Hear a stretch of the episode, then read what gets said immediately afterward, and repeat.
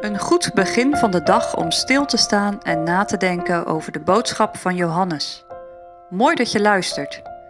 Deze week met dominee W. Visser.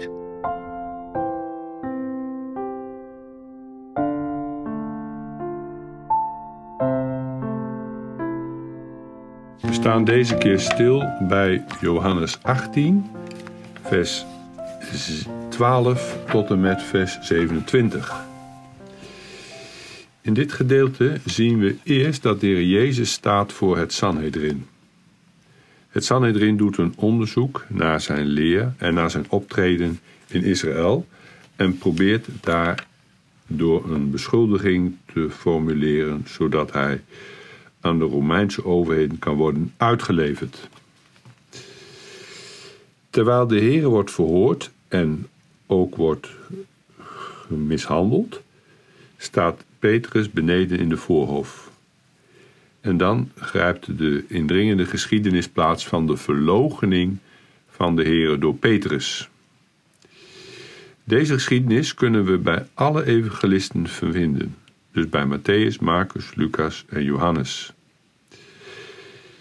Bij deze geschiedenis gaat het natuurlijk in de eerste plaats om de, de Heer Jezus. Hij staat daar, hij wordt onderzocht, hij wordt mishandeld en hij staat daar helemaal alleen. Judas heeft hem inmiddels verraden en Petrus heeft hem verlogend en de andere discipelen hebben hem verlaten. We zien dus de zaligmaker daar staan als de enige die de zondaren kan redden. Als dan de Heer wordt gevraagd over zijn discipelen, over zijn leer, gaat Petrus hem verloochenen. Johannes legt er de nadruk op dat Petrus vragen krijgt van een dienstmaagd. De discipel die dus die avond zulke hele grote woorden heeft gebruikt, gaat voor de woorden van een dienstmaagd door de knieën.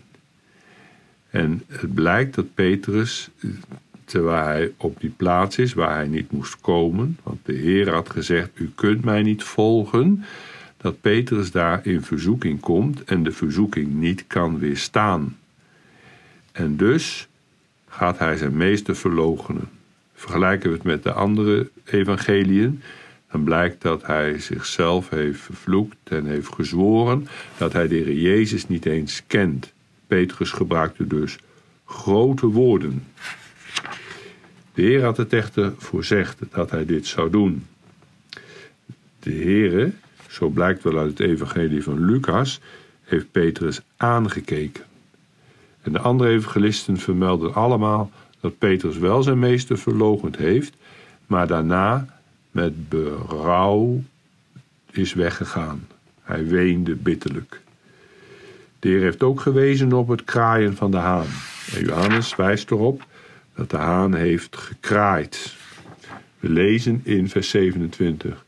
Petrus dan logen het wederom, dat is dus voor de derde maal, en terstond kraaide de haan.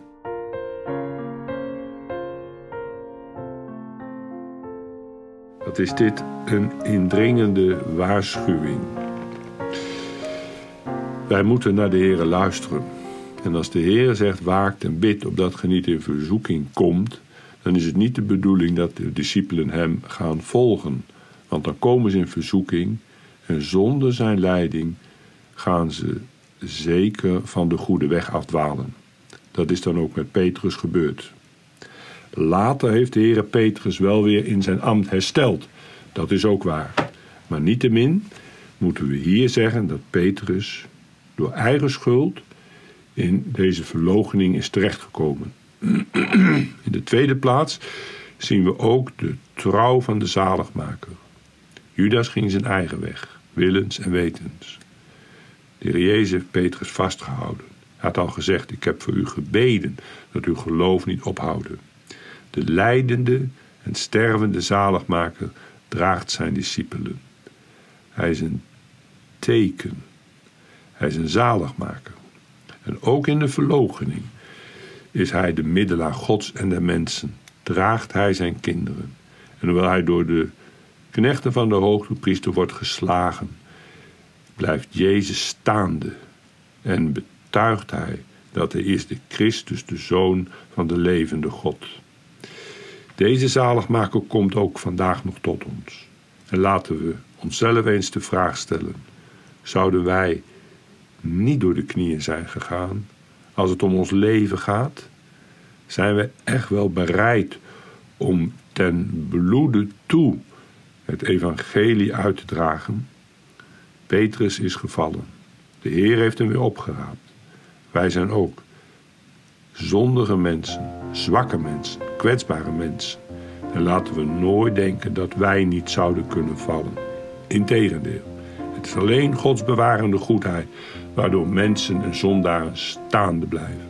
Dat geldt dus ook vandaag.